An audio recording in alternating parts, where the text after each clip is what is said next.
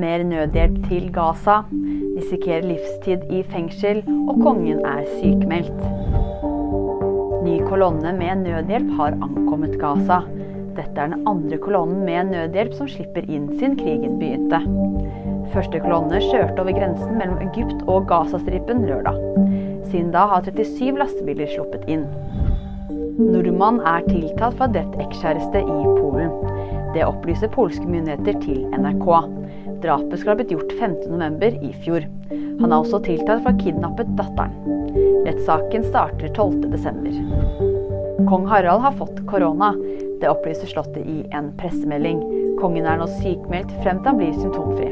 I mellomtiden tar kronprins Haakon over de konstitusjonelle oppgavene. Det var VG nyheter, og de fikk det av meg, Karline Aga.